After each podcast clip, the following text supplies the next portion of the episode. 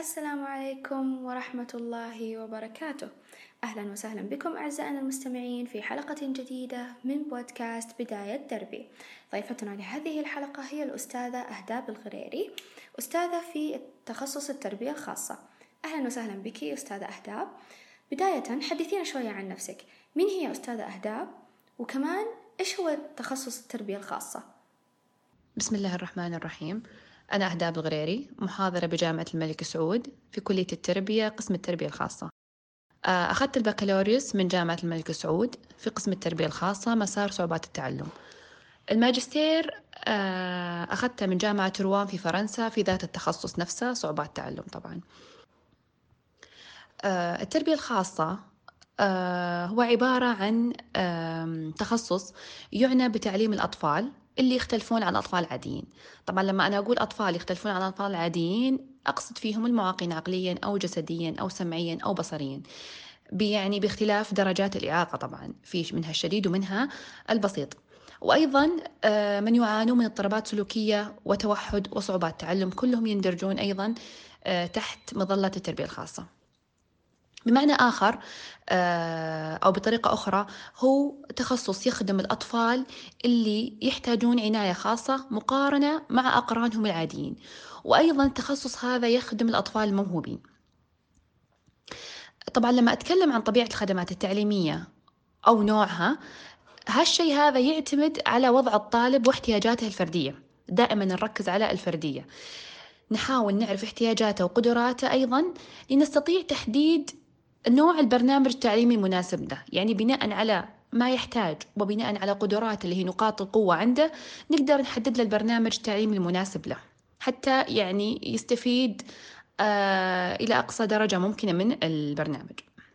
طبعا كيف إحنا ممكن نعرف الاحتياجات الخاصة؟ آه نعرفها من خلال ما يعرف بدراسة الحالة. طبعا من خلال دراسة الحالة هذه أقدر أحصل على كافة المعلومات اللي تخص الطالب.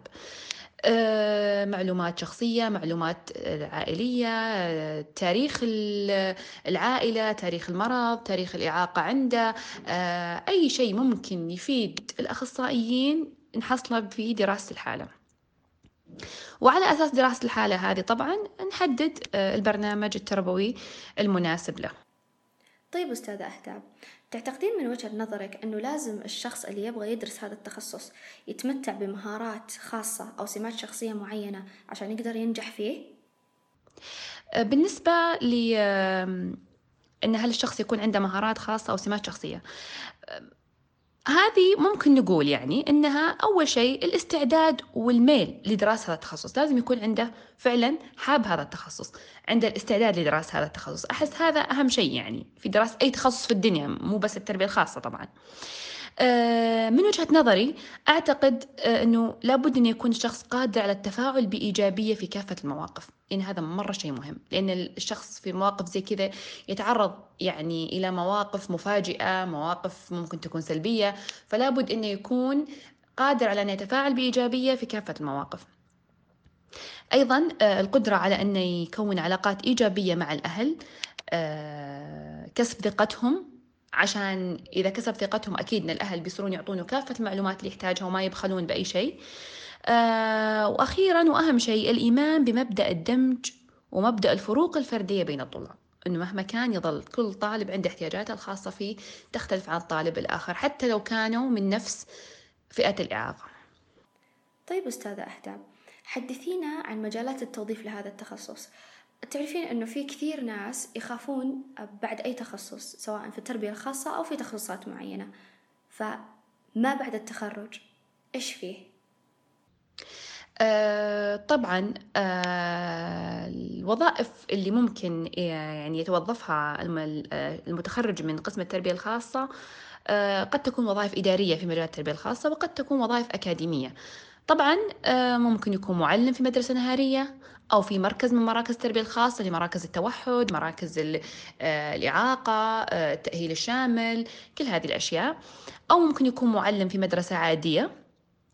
طبعا أغلب المعلمين اللي موظفين في مدارس عادية يكون يقدم خدمات للأطفال ذوي الاحتياجات الخاصة في غرفة المصادر بعض من بعض الوقت وباقي الوقت يرجع الطفل إلى فصله الخاص أو إلى فصله العادي مع الطلاب العاديين عندك أي نصائح ودك توجهينها لأي شخص راغب في أنه يدرس هذا التخصص؟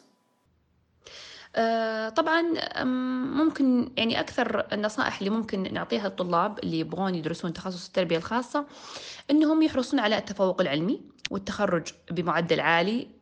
آه، وذلك طبعا عشان كثرة الخريجين من هذا آه، التخصص. طبعا والحرص كل الحرص على أخذ دورات تدريبية ورش عمل. طبعا هذه لزيادة الخبرة إيش؟ النظرية. وأيضا الحرص على التطوع في مراكز التربية الخاصة ومحاولة العمل والاحتكاك بذوي الاحتياجات الخاصة. كل هذا عشان إيش؟ زيادة معدل الخبرة العملية. طبعا هالشيء هذا كله لما إحنا ناخذ آه، دورات تدريبية أو خبرات عملية مع ذوي الاحتياجات الخاصة كلها عشان زيادة معدل الحصول على الوظيفة بعد التخرج. آخر شيء طبعا التحلي بأخلاقيات المهنة. مهنة التربية الخاصة اللي هو أي مهنة طبعا في الدنيا واحتساب الأجر والمثوبة في تقديم الخدمة الإنسانية لذوي الاحتياجات الخاصة.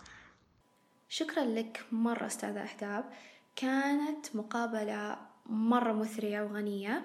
يعطيك ألف ألف ألف عافية ونراكم على خير أعزائنا المستمعين في حلقة جديدة بإذن الله من بودكاست بداية دربي